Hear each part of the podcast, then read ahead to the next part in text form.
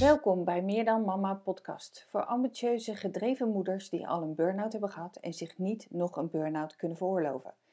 In deze podcast praten wij over mama burn-out, balans tussen ambitie en gezinsleven en de realisatie van jouw droomleven. Mijn naam is Bianca Meijsen en ik ben jouw host, mama ontstresscoach, transformatietrainer en auteur van het boek In 10 stappen jouw droomleven na een burn-out. Ik praat in deze podcast met diverse professionals die vanuit hun eigen expertise en persoonlijke ervaring hun visie delen over de burn-out en hoe hiervan te herstellen.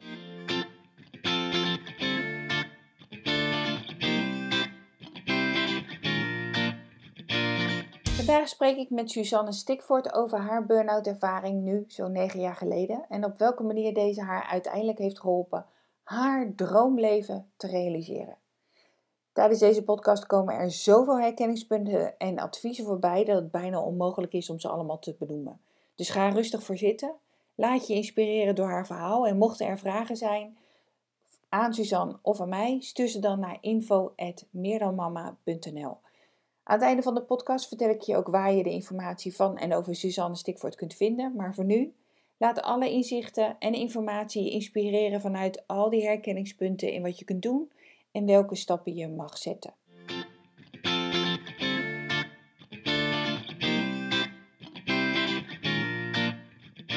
Suzanne Stikvoort, welkom bij Meer dan Mama eh, podcast. Ehm, we gaan met jou in gesprek over jouw ervaring met de burn-out. Uh, natuurlijk ook jouw eigen onderneming en hoe je daarin uh, werkt. Ehm, maar voor de luisteraars misschien wel even leuk om te weten, wie is Suzanne Stikvoort? En uh, wanneer heb jij een burn-out gehad? Ja, nou wie ben ik? Ik ben dus uh, inderdaad Suzanne Stikvoort. En um, ik ben uh, ten eerste, denk ja, dat is het belangrijkste, ik ben moeder van drie bijna volwassen kinderen. Tenminste, de oudste twee zijn volwassen en de jongste is ondertussen 16. Dus die wordt ook al heel groot. Ik ben uh, vanuit leerkracht ben ik kindercoach geworden. En ondertussen heb ik allemaal uh, trainingen ontworpen voor kindercoaches. En um, ik begeleid ze nu ook met het opzetten van hun praktijk. Dus dat is een beetje uh, wie, ik, wie ik ben en wat ik doe. Ehm, wanneer heb ik een burn-out gehad? Dat heb ik gehad, dat, dat weet ik omdat mijn hond, die heb ik ge gekocht toen. en dat, is oh. negen, dat, is negen, jaar geleden. En hoe oud was je toen? Uh, ja, dan moet eens even, dan, moet, dan was ik 40. 40. Ja. En uh, hoe oud waren je kinderen toen? Uh, dus de jongste was, en, dan moet ik even, 7, nou dus 7, 9, 11. Ja, 7, 9, 11, ja. Ja. En toen heb je een hond gekozen en, en gekocht. En dat was ook eigenlijk een beetje ter ondersteuning om ja. Uh, uit, op te knappen vanuit de burn-out? Ja, nou, het, ik, um, ik was op dat moment was ik uh, intern begeleider op een, uh, op een basisschool. Oh ja. En um, ik, nou ja, ik, ik, ik, kreeg dus die burn-out en ik zat thuis. En op een gegeven moment, nou ja, in het begin kon ik echt helemaal niks. Maar daar zullen we misschien later nog wel over hebben van hoe het er bij mij uitzag, dat weet ik niet. maar ik kon echt niks. Ik kon niet eens meer koken. Ik, kon, nee, ik was echt uh, gehandicapt, voelde ik me heel erg. Um, en uh, toen de, op een gegeven moment was ik weer aan het toen ik herstelde, toen dacht ik van, uh, ja, ik zou eigenlijk meer gewoon ook naar buiten willen. Ik, ik liep wel, maar ik vond het een beetje onnozel om in mijn eentje te lopen. Dus toen dacht ik, ja, hoe fijn zou het zijn om een hond te hebben? Ja. Dus uh, eigenlijk richting het einde van mijn burn-out heb ik, uh, hebben de hond uh, genomen. En toen zeiden heel veel mensen, oh, dat moet je niet doen, want ja, dat nog meer zorgen. Maar zij is echt het beste besluit geweest wat ik ja, heb kunnen nemen. Ja. En je zegt daarin ook denk ik wel iets belangrijks van tegen het eind van de burn-out. Dus daaruit maak ik ook een beetje op, toen de energie alweer een beetje op normaal niveau was, was zij extra stimulans om elke dag twee tot drie keer naar buiten te gaan. Ja, ja. ja. het was toen ik dat kon, hè, want er zijn ook ja, momenten dat ik dat dus niet, uh, dat ik dat niet kon. En uh, nee, toen was het niet handig. Maar, dus inderdaad op, maar toen werkte ik nog niet hoor. Dus uh, dat, dat ging op dat moment nog niet. Maar ik kon wel gewoon eh, naar buiten. Ja. Ja. En je liet al een beetje eh doorschemeren van je kon ook echt niks. Nee. Weet je nog het moment waarop zeg maar, het lichtje uitging voor jou?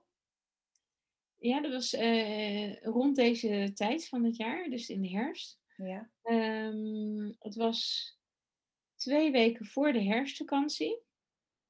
En dan denk je, nou, het schooljaar is eigenlijk net begonnen. En eh, ik merkte gewoon, oh, het, eh, ik, ik, ik, ik wilde gewoon eigenlijk niet naar school. Ik merkte dat ik een beetje, nou, ik was niet echt ziek, maar ik, ehm, ik voelde me gewoon niet eh, prettig. Dus ik zei van, nou, mag ik alsjeblieft gewoon heel even thuis blijven dan eh, tot de herfstvakantie. En dan kan ik daarna, ga ik dan wel weer beginnen. En wat maakte dat je dat zei? Van mag ik alsjeblieft even.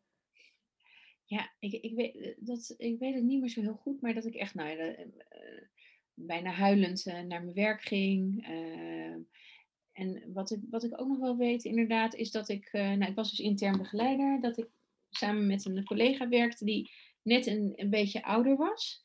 Eh, dus ik, als er dan ICT-dingen waren, zei ik of heel vaak van, oh, dat doe ik wel even. Kan moet je even zus, even zo, even dit, weet je, dat even.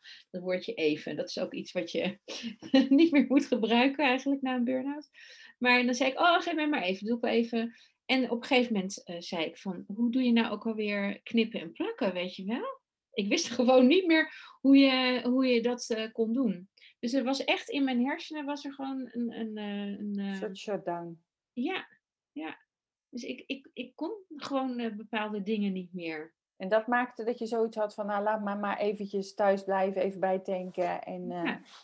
En dus dan het, het emotionele deel en het feit dat je merkte dat op een of andere manier dat wat voor jou heel simpel was, ineens niet meer zo simpel leek. Ja, ja. Ja. Het was allemaal gewoon een grote opgave. En eh, in het begin eh, vecht je er nog een beetje tegen. Dat merk ik wel. Weet je, tenminste, dat had ik heel sterk. Ik ben gewend, eh, nou, net zoals wat jij ook zegt, van hup, schouders eronder. Dat is mijn. ehm, dat is ook mijn manier van werken altijd geweest. Ik heb, ben altijd doorgegaan. Ik heb nooit thuis gezeten. Eh, weet je, gewoon als ik ziek was, nam ik extra pillen zodat ik naar mijn werk kon. Ehm, weet je wel, gewoon, eh, ja, gewoon doorgaan eigenlijk. Ja, En ehm, ja, dat, dat, dus ik ben heel lang zo nog doorgegaan eigenlijk, te lang. ja, En, en op een gegeven moment eh, ja, ging dat niet meer. Dus ik dacht in het begin, nou dan moet ik even tot de vakantie. Dan heb ik de vakantie, de herfstvakantie er nog bij. En dan ga ik daarna weer, ga ik daarna weer door. En maar door. dat was niet meer zo. Nee, nee, want ik kan altijd en door. Hup, nee, nee. Dus dat, toen na de vakantie dacht ik, ja nee, ik kan nu echt niet gaan beginnen. Ik kan echt niet eh, door. Dat kan niet. Nee. Ja, natuurlijk dat, Was het een beetje de vertaling ook van wat je zei van ik, ik had echt geen energie meer dat je ook je bed niet, eigenlijk niet uitkwam, maar als je er al uitkwam dat je niet meer vooruit te branden was, op de bank voor je uit zat te staren, dat?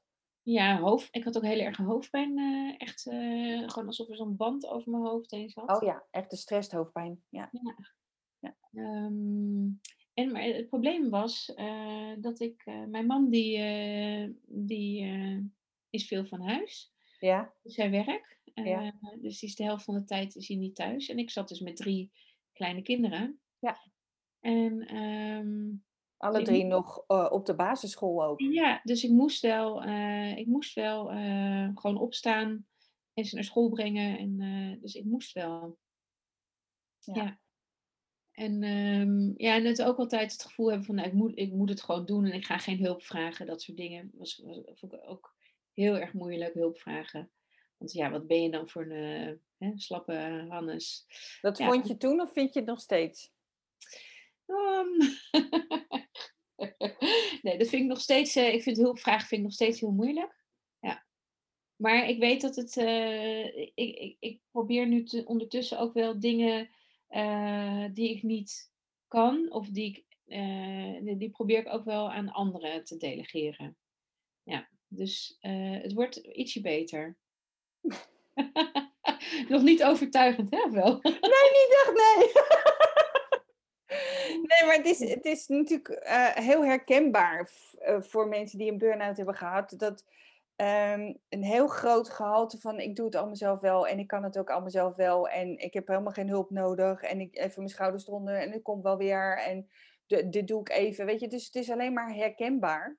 Ja, Ehm, eh, en het is absoluut eh, bijna een soort standaard in, in elk traject wat ik met mensen met burn-out klachten eh, voorbij hoor komen. Het hulp vragen, ja, dat probeer ik wel. Ja, proberen, dat weet jij ook. Dat, eh, nee. dat gebeurt dus niet. nee, het is gewoon heel ingewikkeld. Heel Ja. ingewikkeld. Ja. Ja, ja. En soms zelfs denken dat je, dat wel, dat je wel hulp hebt gevraagd, eh, terwijl je dat eigenlijk helemaal niet hebt gedaan, weet je wel? Dus dat is Ja, dat communicatiedingetje, dat, ja, daar kunnen we een hele podcast apart nog voor opnemen, Ja. zeg maar, als het gaat over hoe doe je dat dan, eh, hulp vragen. Eh, maar het is absoluut wel herkenbaar dat. eh, ja, heb jij ondertussen eh, ook kunnen herleiden wat maakte dat het zover is gekomen? Dat je. Ja, nou, ik denk, denk het wel een beetje. Ehm, eh, toen, ik, ik was vroeger eh, stewardess, dus eh, het is een heel leuk eh, leventje, heel eh, makkelijk. Je krijgt gewoon je rooster en eh, je trekt je pakje aan en je gaat eh, nou ja, naar de bestemming vliegen waar je naartoe moet vliegen. En eh, je komt terug en je werk is klaar en eh, nou, zo. En eh, kijk naar je rooster waar je de volgende keer naartoe gaat. Dus ik heb de hele wereld zo mogen zien. Hartstikke leuk. Vond het echt super leuk ook om het werk te doen, om mensen te bedienen, om mensen een gezellig praatje maken. Nou, ik vond het echt super leuk. En toen was de oudste geboren en ja, dan, ik, ik, wilde niet meer, eh, ik wilde niet meer vliegen. Want ook omdat mijn man natuurlijk ook eh, veel weg is. Ja, ik had zoiets dat, voor mij was dat niet een, eh, de juiste combi. optie. Ja. Nee. Ik heb het wel nog heel even geprobeerd, maar dat, dat, dat werkte niet. Dacht ik, nou, wat kan ik dan wel doen? Dus toen ben ik de PABO gaan doen. En toen ben ik dus leerkracht geworden. Ik dacht, nou, dat is handig, want dan heb je ook de schoolvakanties, weet je wel. Je bent altijd, ja, gewoon als die kinderen vrij zijn, ben je ook vrij. En, ehm, dus dat leek mij heel makkelijk. Maar ja, dat is, wel vier jaar. Hè? Dus ik heb vier jaar de PABO gedaan. Ehm, en de jongste is zelfs geboren toen ik de PABO eh, deed ook. Nou, toen dacht ik, ja, dan moet ik eigenlijk nog wel wat meer. Kan nog wel wat meer. Dus toen heb ik nog een master gedaan. Eh, dus ik ben altijd eh, doorgegaan. Altijd maar bewijzen, denk ik ook. Een, een stukje bewijsdrang van dat ik het allemaal wel kan en dat ik het allemaal goed doe. En ik wilde natuurlijk perfect, perfecte moeder zijn. En ook als leerkracht wordt natuurlijk ook van je verwacht dat je dingen goed doet. Ehm, dus eh, ik had vooral erg hoge verwachtingen van mezelf.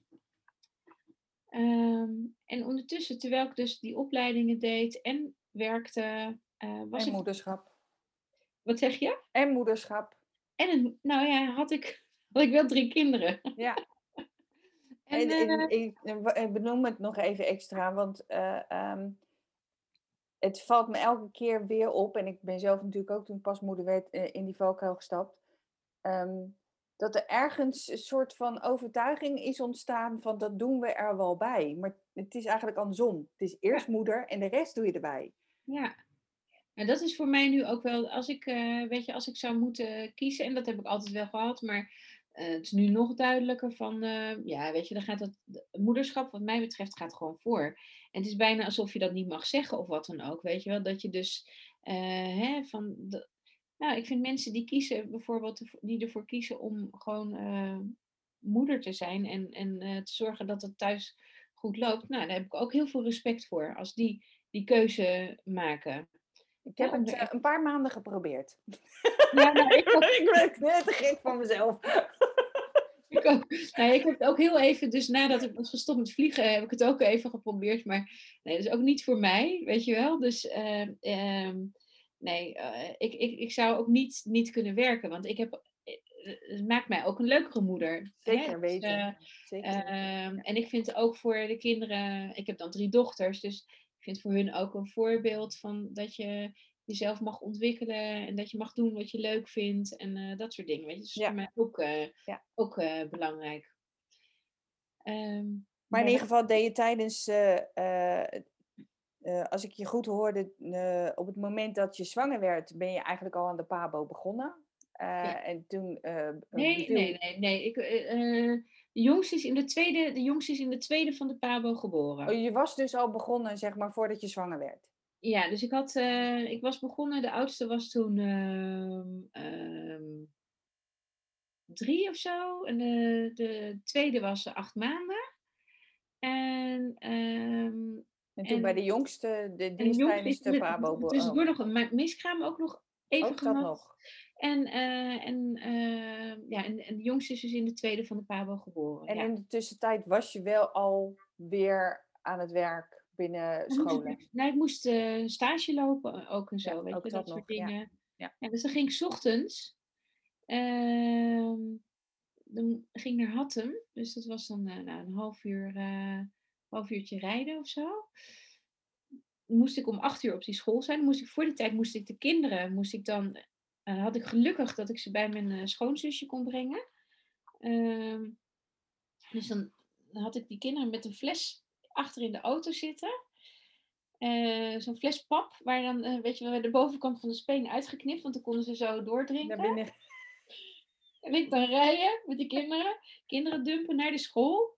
Ja, en dan ging ik stage lopen, weet je, zo. En dan moest ik natuurlijk mijn opdrachten doen en eh, weet ik veel. En een man, ja, dat was dus als mijn man er niet was, hè. En als hij er wel was, dan kon ik gewoon, dan was het wat relaxter, want dan kon ik Ja. gewoon weggaan. Ja.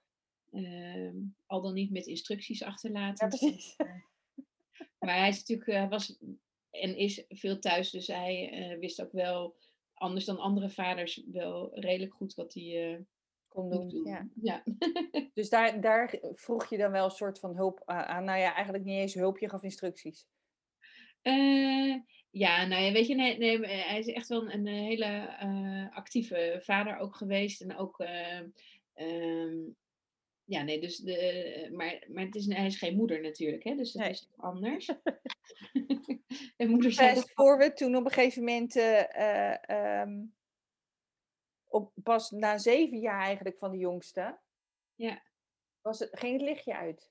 Ja, ja omdat eh, dus ik heb heel veel gewoon doorgaan, doorgaan, doorgaan. En op een gegeven moment zagen mensen ook, oh, nou, je doet dat maar allemaal, wat knap van jou. En eh, goed zeg, eh, weet je wel. Dus ik, ik kreeg ook waardering eh, hè, voor wat ik deed. En waardering voor de kracht die ik toonde. Waardering voor, eh, ja, dus dat, dat eh, was ook wel heel fijn.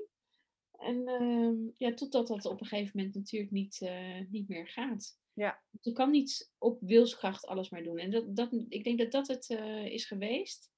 Ehm, dat ik dacht, ja, ik moet gewoon, als ik, als ik gewoon mezelf ertoe zet, dan kan ik dat gewoon doen. Ik vond ook heel veel anderen, vond ik ook slappe hap. Hè? Eh, weet je, eens man, eh, nou zeg, eh, ik weet nog Brigitte Kaandorp. Ja, Die was toen- heel zwaar leven. Oh, dan kon ik zo. Ik zag allemaal mensen, weet je. dacht ik, ja, die, oh, die heeft ook heel zwaar. Oh, moeilijk, moeilijk. Nou, en ondertussen, weet je, niks aan. Maar ik niet, weet je. Bij mij gaat het echt gewoon hartstikke goed. Dat, Ja. ja. En maar Ja, dat hoor ik ook heel vaak. Dat eh, ehm, eh, zelfs eh, ook mensen bijvoorbeeld in het bedrijfsleven die op HR-niveau werken en dus met mensen in aanraking komen die een burn-out hebben gehad, maar wel weer aan het werk willen. Dat ze altijd zoiets eh, hebben gehad, hè, voordat ze zelf een burn-out kregen. Bijvoorbeeld stellen ze zich toch aan, even je schouders stonden en het komt wel weer goed. Dan ben je een beetje moe, weet je, dat, kom, dat gaat wel weer over. Ja, Dat nee, pas als ze een burn-out hebben gehad, ja, dat ze zoiets hadden van, oh, wat erg. ja. Ik, vo- ik vond ze altijd zo van die aanstellers, maar dat is Ja. zo niet waar.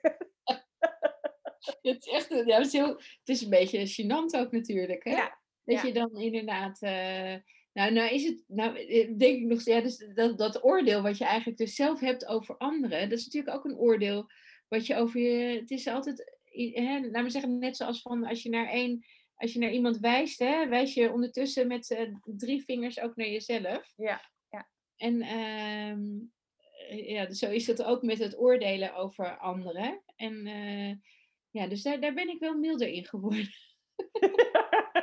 Milder wil niet zeggen dat ik, nog, dat ik nog steeds af en toe wel denk van, eh, nou weet je wel, je kan ook gewoon wel iets, weet je wel, eh, iets meer pit hebben of wat dan ook.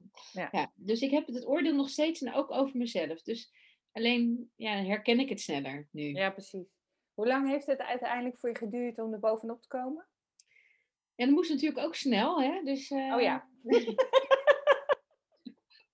ik had op een gegeven moment, nou ja, dan eh, ben ik naar een psycholoog gegaan. Ik dacht dat ik eh, depressief ook was. Ja. En, eh, misschien was ik dat ook tegelijkertijd ook wel, denk ik. Ehm, Nou, Het is ook wel, eh, ehm, ik weet niet of je dat wel eens meegekregen, maar het is, het is ook al vanuit de psychologie en vanuit de wetenschappelijke onderzoeken ook geconstateerd dat ehm, als je een burn-out krijgt, ben je natuurlijk oververmoeid. Ja. En eh, dat zet allerlei processen in werking. Maar jij gaf ook aan van je, je hersenen deden het ook even niet meer zoals je van jezelf Nee. gewend bent. Ook in je hersenen gebeurt er van alles en nog wat. Ja. En een van de dingen die, eh, die, nou ja, laat ik het zo zeggen. Er is bij niemand die een burn-out heeft, die nog vrolijk kan zijn. nee. Het, eh, het zet ook echt depressieve gevoelens aan. En er zitten ook natuurlijk gradaties in. En er zit een verschil tussen of je depressief bent of burn-out. Het is niet van dat dat één op één is, maar depressieve gevoelens, iedereen. Ik had ook, eh, weet je, ik, ik kon eh, moeilijk slapen, dat, Ja. eh, dat soort dingen. Dus ik, ik, ik ging dan s'nachts, ging ik dan ging ik ook googlen, ging zoeken, wat is er aan de hand dan met mij, weet je wel? Oh ja, zelf En, oplossen. zo, en dan ook van die testen van ben je inderdaad depressief? Ik dacht, ja, dan ben, ik ben depressief. Maar nou, uiteindelijk dus gewoon een goede psycholoog gevonden. Ja. Wat ik op dat moment nodig had, was een psycholoog eh, waar, die mij kon helpen om ehm, te overleven, had ik een beetje. Weet je, dat gevoel. Dus dat ik, nog, dat, ik er kon, dat ik niet inderdaad alleen maar op de bank of in mijn bed lag, maar dat ik ook kon opstaan om voor de kinderen te zorgen. Want eh, ja, ik moest gewoon overleven eigenlijk. Dus, Ja, je eh, ziet mijn gezicht natuurlijk, dat zien de, zien de mensen van de podcast natuurlijk niet. nee? Maar eh, ehm, ja, dit doet heel veel met mij dat je dit überhaupt zegt. Eh, omdat dit is ook werkelijk waarin het in mijn gevoel ook vaak misgaat. Ja. Is dat mensen in een burn-out bij een psycholoog terechtkomen. Of in ieder geval ehm, eh, eh, vanuit die hoedanigheid ernaar gekeken wordt. Om ervoor te zorgen dat je, om het maar even zo te zeggen, je burn-out overleeft. Ja. In- dus eigenlijk word je weer bevestigd in je overleefstand. Ja. Maar het was voor mij wel essentieel, want ik had zoiets als ik er nu op dit moment, want op het moment dat je in de burn-out zit, denk ik dat je, eh, dat je, ik denk dat je, voor mijn gevoel was het heel, was het, was het wel heel prettig. eh, om het eerst, om er eerst uit te, gewoon, eh, te, te overleven. En pas op het moment dat ik wat stabieler werd, hè, dat, ik, dat, dat, dat het niet meer alleen maar echt overleven was, ja, dan pas kan je eraan gaan werken. Want ehm, ik had zoiets, als ik nu er helemaal in ga, dan word ik opgenomen. Dat, dat. Dat gevoel heb je dan, ja. ja. Ja, ik kon niet, eh, ik, ik kon niet eh, de echte diepte in op dat moment. Nee, sterker nog, is ook niet wenselijk in het begin. Eerst moet je lichamelijk opst- eh, opknappen. Ja, dat. Ja, dat. En uiteindelijk ben ik niet bij, bij de psycholoog. Ehm, eh, dat heeft mij niet eh, geheeld, maar eh, meer het systemisch werken wat ik ben gaan doen. Ja, energetisch meer ermee aan de slag, zeg maar. Ja, energetisch en ja, dus ja, energetisch aan het, wer- aan het werken. En, maar ook kijken naar mijn eigen familiesysteem. Dus ik ben ook in eerste instantie zelf opstellingen voor mezelf gedaan. En uiteindelijk ook opstelling, ik ben ook systemisch werker geworden zelf. ook. Omdat ik, ja, daar zit gewoon heel veel in. Ja. En wat, wat was voor jou inzichtelijk vanuit het systemisch werk als het ging over de burn-out? Kun je dat eh, in een notendop eh, zeggen? Het gaat natuurlijk over gezien worden bij mij. Ja. Het moet over gezien worden. Ehm, ja, nou, de- laat maar zeggen, ja, dan wil ik het eigenlijk voor de podcast even bij laten. Nee, precies. Ja, maar daarom zeg ik ook Ja. in een notendop. Ja. Ja, dus het in de notendop ging het over gezien worden. Ja. En eh, over je plek innemen, de juiste plek innemen. Ehm, en ehm, ja, wanneer je dat kan doen, wanneer je op de juiste plek staat, ehm, ja, kom je weer in je kracht te staan. Ja, ja, ja. En als jij eh, niet op de goede plek staat en je doet er alles aan om maar gezien te worden, ja, weet je, dat, dat werkt niet. Want dat eh, werkt eh, contraproductief eigenlijk. Ja, be- best wel, ja. ja. Ja, en eh, voor de mensen die systemisch werk niet kennen, het is in de volksmond meer bekend als familieopstellingen. Ja. En met de plek innemen, ehm, de meest makkelijke vertaling daarvoor is, eh, ehm, als je als oudste geboren bent, dat je ook echt je gedraagt als de oudste van de kinderen en niet als de jongste bijvoorbeeld. Ja, Eh, maar ook eh, als je ehm, geboren bent als... eh, nou, je bent geboren. Iedereen is geboren. en eh, je gaat vervolgens voor je ouders zorgen. ja, precies. Ook. Eh, ja. dan eh, eh, kom je ook niet. eh, dat, dat, kan een, dat kan voor heel veel kinderen die dat doen, is dat een hele fijne plek. Want eh, je voelt je daardoor heel sterk en heel groot. Hè, dat, je dat, eh, dat je voor je ouders mag zorgen. Ja. Je wordt gewaardeerd door je ouders. eh, Ja. Maar tegelijkertijd is het ook een plek waar, waar, waar je niet kan ontvangen. precies. En dat heeft weer, maar waar wij het eerder ook over hadden, Ja. me- over hulpvragen. Ja, dus ook het eh, hulp heeft- ontvangen. Ja, dus als je dat niet kan ontvangen, dus ik, ik geef heel makkelijk en ik ontvang wat moeilijker. Lastiger. Ja. Ja, maar eh, ook daar, ja, weet je, dat is, ik denk dat het allemaal een ongoing process is, weet je wel, dat je nooit in eerste instantie, ehm, eh, ja, het is niet een, een quick fix, weet je, je leven. Je moet gewoon op een gegeven moment, je moet bepaalde dingen doorheen en eh, je komt bepaalde dingen tegen en ik nog steeds, weet je, ook als je op een gegeven moment uit de burn-out bent, dan zal je weer momenten tegenkomen dat je er tegenaan eh, hikt weer. Maar alleen ben je er dan bewust van en dan weet je weer wat je kan doen om eruit te komen. Ja. Ja, ik, weet het. eh, eh, ik, ik leg het ook altijd uit in een schema wat ik dan weer vanuit eh, CSR-centrum heb eh, meegekregen. Dat is een geweldig schema om dat ook een beetje aan te geven. Ehm, jij zegt van je hikt dan weer tegen de burn-out aan. Nou, ik denk dat dat op zich wel meevalt. Alleen de signalen Mhm. die, eh, ehm, die er eigenlijk altijd al zijn, maar die we hebben geneerd, zo enorm Ja. hebben genegeerd, waardoor we in de burn-out zijn terechtgekomen, dat je die veel eerder oppikt, veel Ja. eerder opmerkt. Je bent er ook veel alerter op, maar in mijn beleving ook veel gevoeliger voor Ja. geworden. Het leven is nooit meer hetzelfde na een burn-out. Nee, Nee. Dus ik miste in het begin ook wel de energie die ik altijd had. Ik had echt een tomeloze energie. Echt een hele erge drive om maar te gaan, gaan, gaan. En eh, ja, dat, dat miste ik ook wel een beetje eh, nadat ik hersteld was. Ja. En tegelijkertijd ehm, ehm, vind ik het ook wel prettig dat ik het niet meer zo heb. Ja. Gek hè? het heeft ook wel iets rustgevend misschien af en toe. Ja hoor. Ja. Zo rustgevend de burn-out. Ja, het is echt heel fijn. Nou, in ieder geval niet die hoeveelheid energie bedoel ik dan, niet de burn-out zelf. Nee, nee, nee. Nee, maar de energie daarna is inderdaad, het is wel heel, eh, het, is, het is anders. En, eh, maar ik vind ook wel, ja, ik, ik vind ook wel, dit past beter bij me. Ja. En ehm, hoe lang heeft de burn-out uiteindelijk bij jou geduurd? Oh ja. ehm,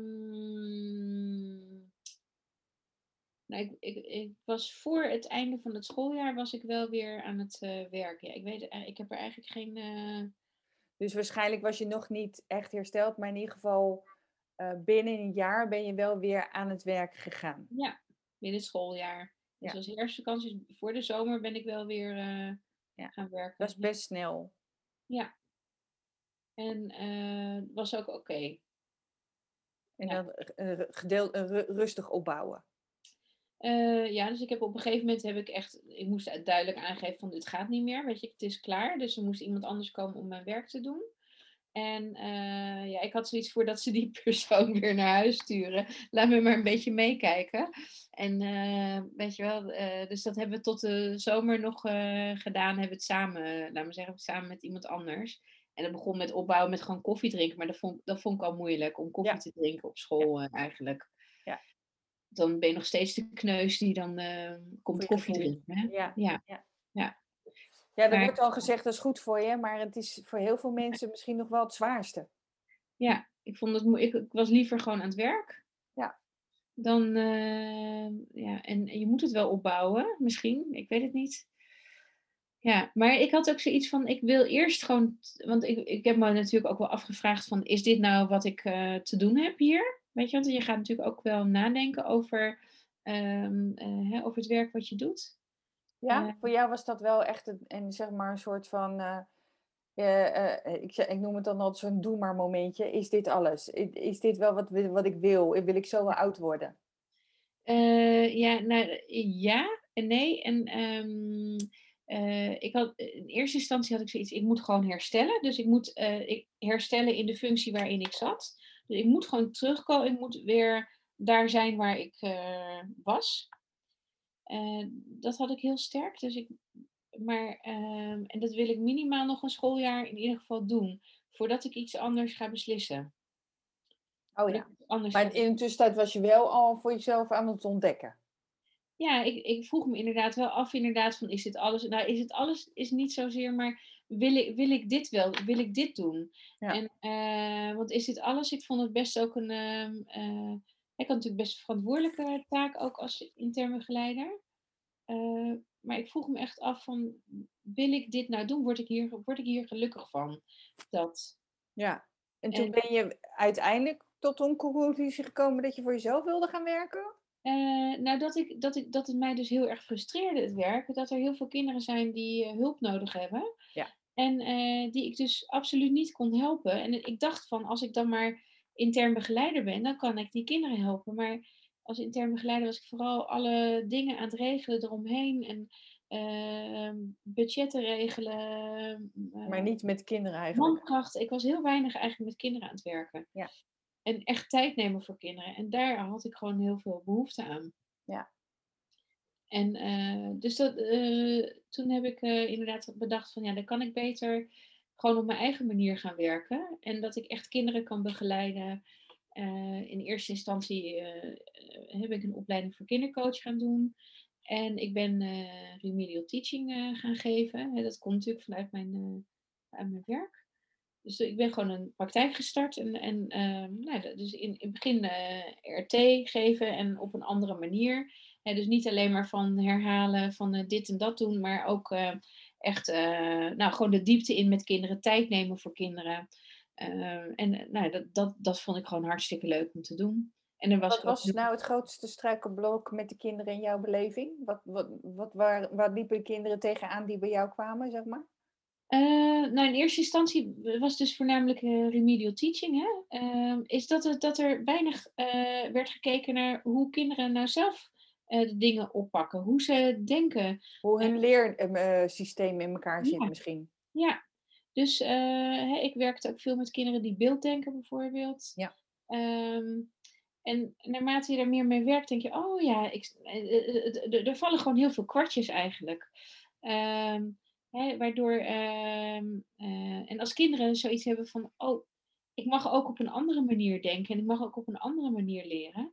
Dus je gaat kijken van wat past wel. Dus niet alleen maar, dit snappen ze niet. Uh, maar als je dus op een andere manier gaat kijken naar kinderen, dan, dan kunnen ze opeens heel veel.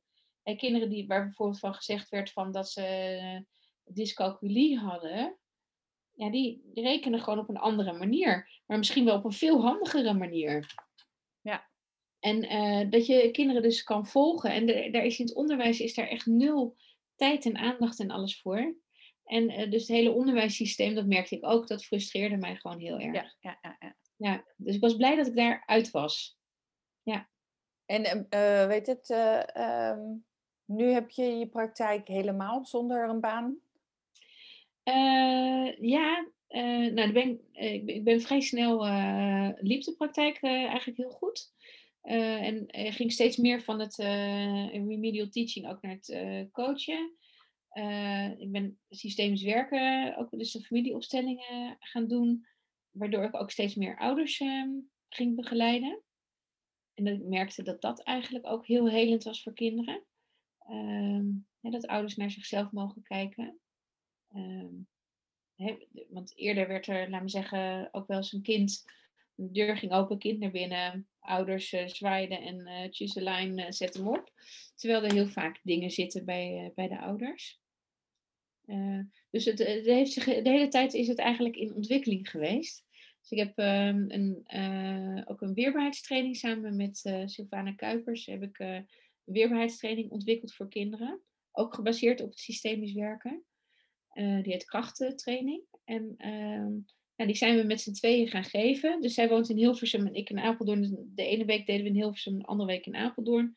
Toen zijn we alle twee los van elkaar in onze eigen praktijk gaan geven. En uh, nu geven we die training ook aan andere kindercoaches. Dat zij hem weer in hun praktijk kunnen doen. Dus dat is één ontwikkeling. De andere is dat ik op een gegeven moment dus merkte van dat ik liever met de ouders ook uh, hè, aan de bak ging. Dus ben ik opvoeden met lol heb ik toen uh, ontwikkeld, ook een training. En die geef ik nu ook weer aan andere kindercoaches. En toen merkte ik, ja, ik vind het gewoon eigenlijk uh, heel leuk om met kindercoaches te werken. Dus om andere mensen die aan het begin staan van hun praktijk en nog een beetje zoekend zijn van hoe kan ik andere kinderen het beste helpen, dat ik die dus trainingen aanbied en dus ook begeleid nu in het opstarten van hun praktijk. Dus dat is wat ik nu eigenlijk. Het is eigenlijk een beetje een soort van logisch gevolg van je eigen ervaringen en dan op, nu kun je die overdragen aan anderen. Ja. En het, ja, het grappige is, dus nu zie ik ondertussen eigenlijk ehm, ja, incidenteel nog wel kinderen of ouders, maar het is voornamelijk werk ik nu eigenlijk met kindercoaches. Ja, en merk je ook dat het, dat, uh, het nu ook steeds meer vanuit school en vanuit de ouders er ook steeds meer behoefte is om wat meer begeleiding daarin te geven? Ja, dat, er, er is, ja, ja en nee. Weet je, ik denk dat die behoefte er altijd al was. Alleen dat het. Uh, ja, school is ook een systeem, hè? Ehm, zij doen het op een bepaalde manier. Zij werken, zij hebben hun manier van werken. En dat is de goede manier. En ik ben geen fel woord over leerkracht, want ik weet dat iedereen met hart en ziel dat doet. Maar niet altijd op een manier die ook werkt voor kinderen. en ik moet heel eerlijk bekennen, ook niet altijd werkt voor de docenten. Want de nee, uitvallen daarbij die ik over de vloer krijg, dat, uh, ja. schrik ik af en toe best van. Ja, dus dat is heel frustrerend. Hè? Van waarom moet iedereen in zo'n keurslijf uh, zitten van het onderwijs, wat dus eigenlijk niet past. Hè? en, ehm, maar het is dus ook heel moeilijk om mensen je systeem binnen te halen, het schoolsysteem, een school binnen te halen, die anders denken. Dus het kunnen ouders zijn die anders denken, maar het kan, kunnen ook inderdaad coaches zijn die kinderen begeleiden, die zeggen van ja, weet je, leerkrachten, probeer het dus op die manier te doen. Of kijk eens zus of zo naar dat kind. En, dus voor de ene school staat er heel erg voor open. Uh, en er zijn andere scholen uh, die, uh, nou, die, dat heel, die er toch heel veel moeite mee hebben. Hè, om, om andere andersdenkenden hun systeem binnen te laten. Ja.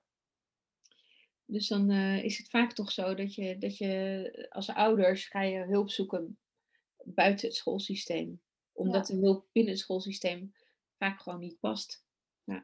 jij doet zelf niet meer uh, de ouders begeleiden of de kinderen. Je doet echt alleen nog maar de coaches begeleiden. Wel op aanvraag hoor. Dus uh, als, er, als ouders tegen dingen aanlopen of kinderen tegen dingen aanlopen en ze weten mij te vinden, dan, uh, dan, dan help ik ze nog wel.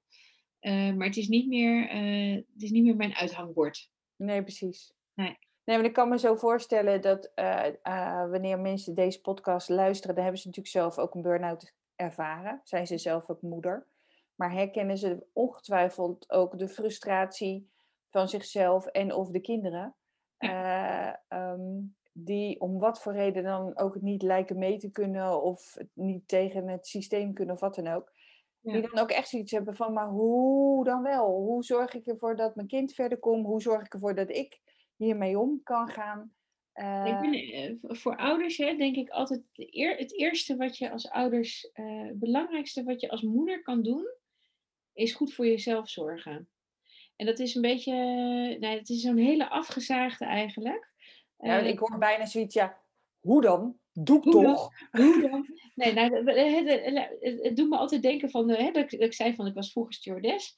Hè, en dan roep je om in het vliegtuig van ouders dienen eerst hun eigen zuurstofmasker op te zetten, alvorens hun kinderen te helpen. En in het begin, het, toen ik dus uh, nog vloog en geen kinderen had, ik had zoiets, ja, weet je, je gaat toch eerst je, nou ja, ik snapte het niet helemaal. Weet je, ik snapte, ik, ik had het natuurlijk wel geleerd, maar ik had zoiets, ja, ja um, maar uh, nu, ik snap hem, ondertussen snap ik hem gewoon heel goed. Van, je kan je kinderen niet goed helpen als je jezelf niet goed voelt. Dus wat er heel vaak uh, is met als er kinderen zich niet lekker voelen, is dat een moeder naar zichzelf mag gaan kijken. En dat kan je dus heel goed doen door bijvoorbeeld een familieopstelling. Of, uh, maar het kan ook zijn doordat je. Uh, ik was gisteren nog in gesprek met de andere moeders en uh, die zeiden van ja, dan zorg ik als de kinderen op school zijn, dan ga ik alle dingen doen. Dan ga ik de boodschappen, dan ga ik de, het huis opruimen en dan, dan kom ik terug en dan zijn die kinderen komen dan thuis en dan ben ik helemaal klaar. Maar dan, zitten, dan gaan ze spelen met iemand anders, met andere kinderen en dan zit ik daar. Dus die zei ook van ja, ik ga nu gewoon, ik zorg gewoon dat ik als die kinderen naar school gaan, dan, uh, dan permitteer ik het me om uh, een boek te lezen, of om uh, even te Netflixen, of in bad te gaan zitten, of om mijn nagels te lakken, of om een masker, of gewoon of naar de kapper te gaan, of whatever. iets te doen voor jezelf. Voor jezelf, ja. En, en, en, en dan op het moment dat die kinderen thuiskomen, die kinderen, het is hartstikke leuk om inderdaad met ze spelletjes te doen. Maar die kinderen zitten echt niet te wachten dat, die moeder 24-7 met ze aan het meespelen is. Dus je kan ook best dan de was vouwen. Hè? Op het moment dat je kinderen thuis zijn. Of, uh, hè, uh, of niet. Of niet, of ook niet. Ja, ja dat, dat, die hoor ik natuurlijk ook heel vaak. Van uh, ja, en het huis moet schoon en dit moet nog doen en dat moet ik doen. En ik denk van ja, laat lekker ontploffen. Die kinderen zorgen daar ook anders wel weer voor. Kan je het schelen. Nee, dat, nou, weet je, en, en uh, uh, dat had ik dus ook van. Ik had wel heel sterk van. Uh, ik wilde dat het altijd netjes was en zo. En dat als uh, en mensen onverwachts binnenkwamen, dat ze dan niet dachten van. Mijn goed, wat is hier gebeurd? Maar ten eerste lukte dat dan niet met drie kinderen. is altijd wel ergens een puinhoop te vinden, denk ja, ik, met drie nou, kinderen. Ja, en ik ben zelf ook niet heel erg netjes. Dus ik ben ook niet heel erg huishoudelijk. Dus dat ging ook tegen mijn eigen principes in, weet je wel. Dus ik, heb, ik laat dat ook wat meer gaan. Dan denk ik, ja, nou, als anderen er last van hebben, dan moeten ze misschien maar niet komen bij mij dan. Ja. Als ze dat echt heel vervelend vinden om te zien. Ja. Nou noem ik uh, uh, de burn-out ook wel eens uh, de spiritual wake-up call. Ja. hoe hoe heb, je, heb jij die ook zo ervaren of herken je je daar iets in? Um, ja, nou ja, in dat je wel echt, nou, dat je wel echt je hart mag gaan volgen. Dat je wel echt mag uh, gaan doen wat je te doen hebt. En niet alleen maar uh, doen wat, wat, je denkt dat anderen van je verwachten. Ja, ik denk dat dat, um, dat dat een hele mooie samenvatting überhaupt is van wat ik bedoel met de spiritual wake-up call.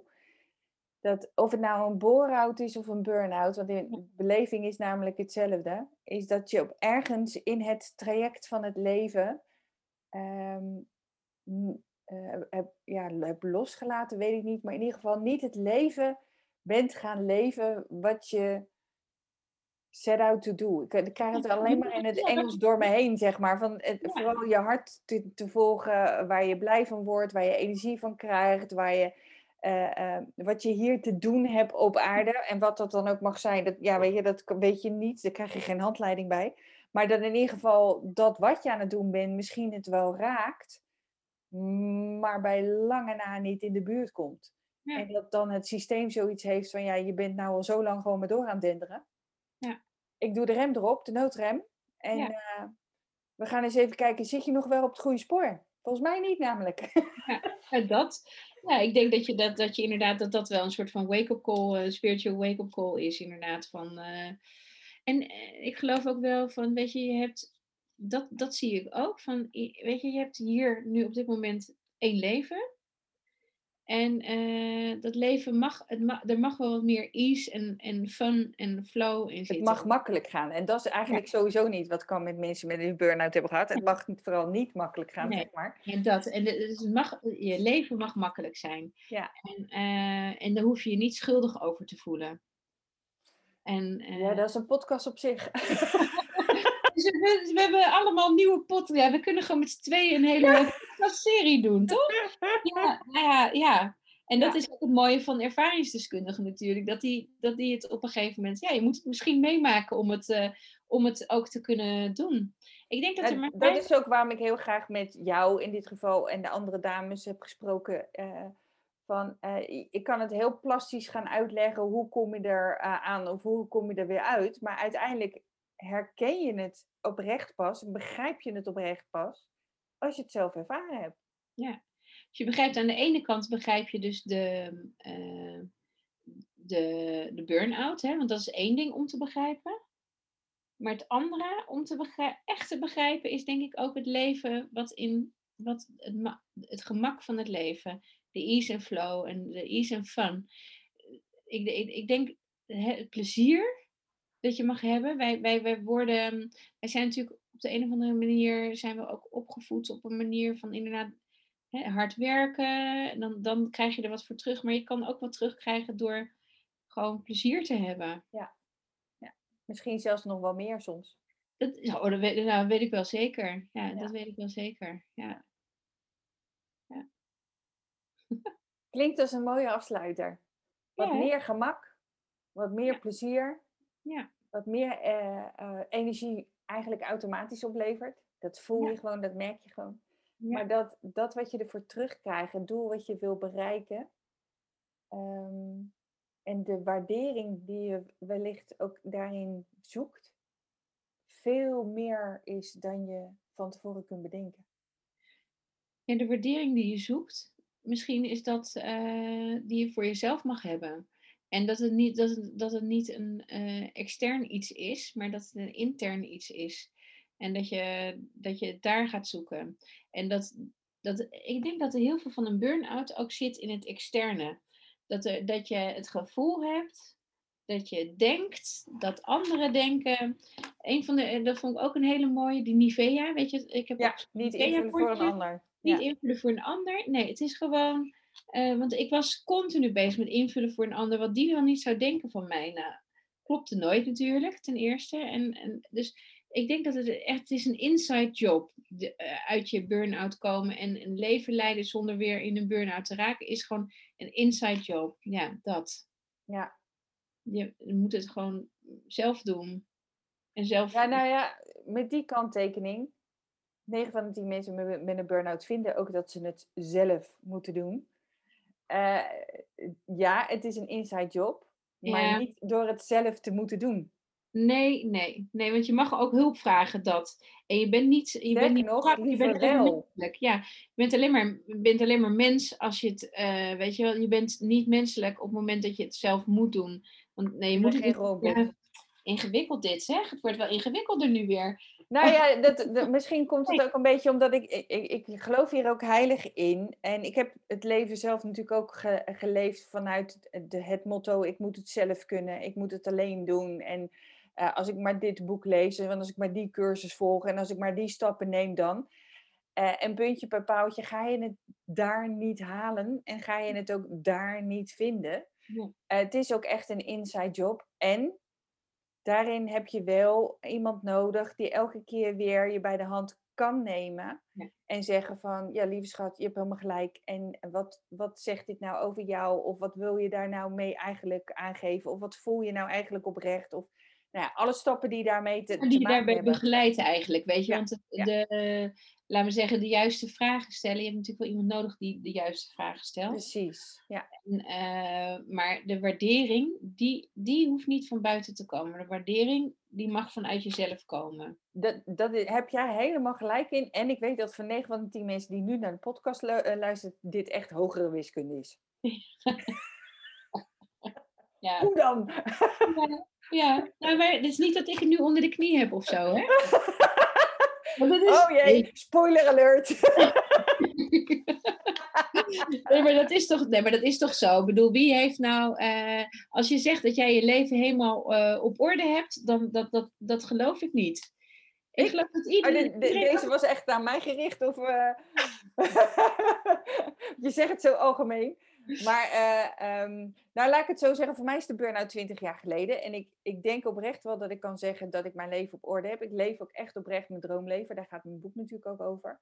En ik merkte ook met zo'n enorme impactverandering in je leven als moeder worden. Hoe makkelijk het dan weer is om in een soort oud gedrag te vervallen. Ja van uh, uh, inderdaad de verwachtingen die ik toen voelde van mensen, uh, van hoe je moeder moet zijn, hoe je dan daarin jezelf dient op te stellen wat dan ook. En het geluk wat ik had, is dat mijn burn-out natuurlijk zoveel jaren daarvoor al plaatsvond.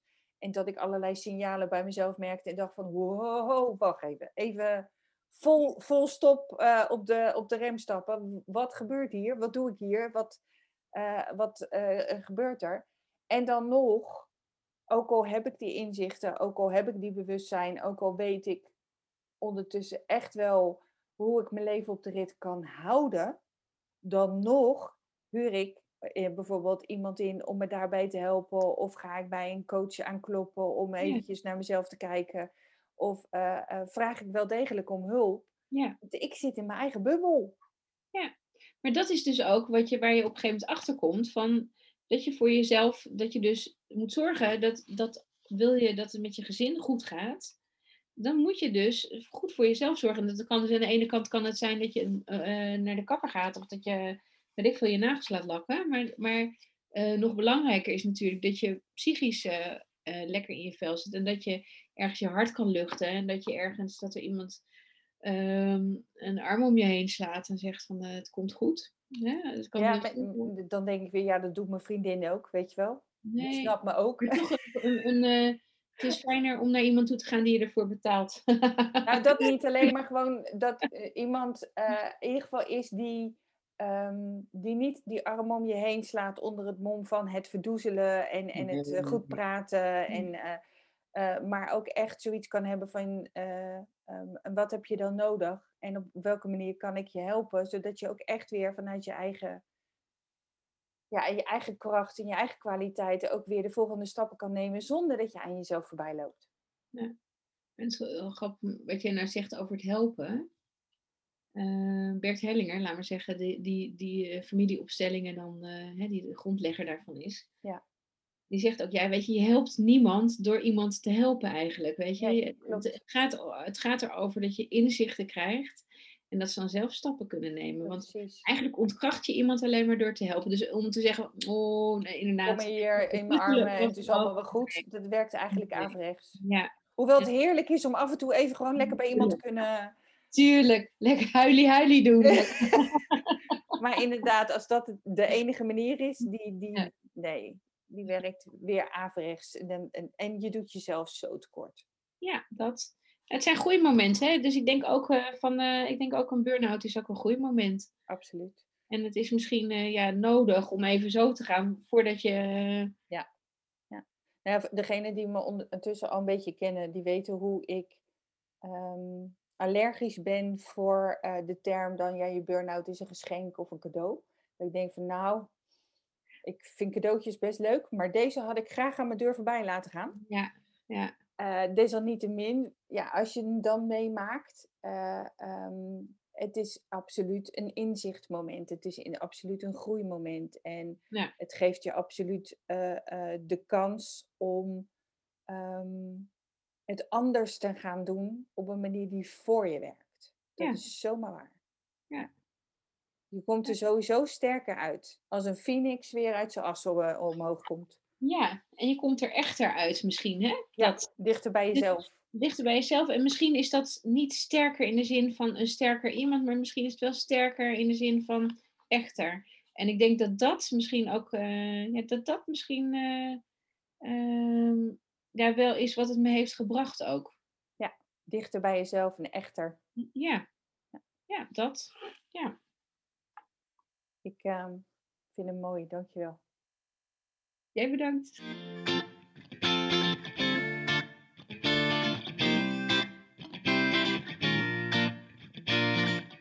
Dit is het einde van deze Meer dan Mama podcast met Suzanne Stikvoort. En zoals je al merkte, we hadden nog wel een tijdje kunnen doorgaan. Er is nog zoveel te zeggen en nog zoveel te vertellen. Dus mocht je meer willen weten van en over Suzanne Stikvoort en haar missie om kinderen te helpen binnen ons huidige schoolsysteem, ga dan naar haar eigen website suzannestikvoort.nl. Ik zal hem uittikken in uh, de tekst die bij deze podcast wordt uh, geleverd. suzannestikvoort.nl eh, ik heb Suzanne ontmoet tijdens mijn reis in het schrijven van mijn boek. Mijn boek genaamd In 10 stappen jouw droomleven na een burn-out. Leef vanuit je hart met meer balans en rust in je hoofd. Deze kun je natuurlijk aanschaffen via mijn website meerdanmama.nl slash 10 stappen droomleven. Mocht je het boek van Suzanne willen, die heet dan in 10 stappen een vliegende start voor jouw coachpraktijk.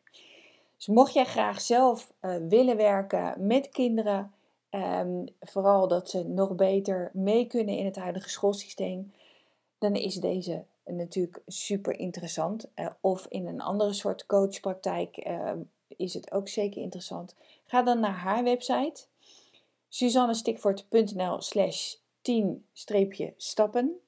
En mocht je ze allebei willen, mail dan naar info.meerdanmama.nl en ik zorg dat je ze beide in één keer ontvangt. Heb je verder nog vragen over uh, je droomleven na een burn-out? Hoe uh, met een burn-out om te gaan in je nabijheid? Hoe uh, weer te herstellen en nooit meer terug te vallen?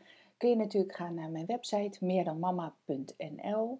Natuurlijk mag je je vragen ook sturen naar info.meerdanmama.nl.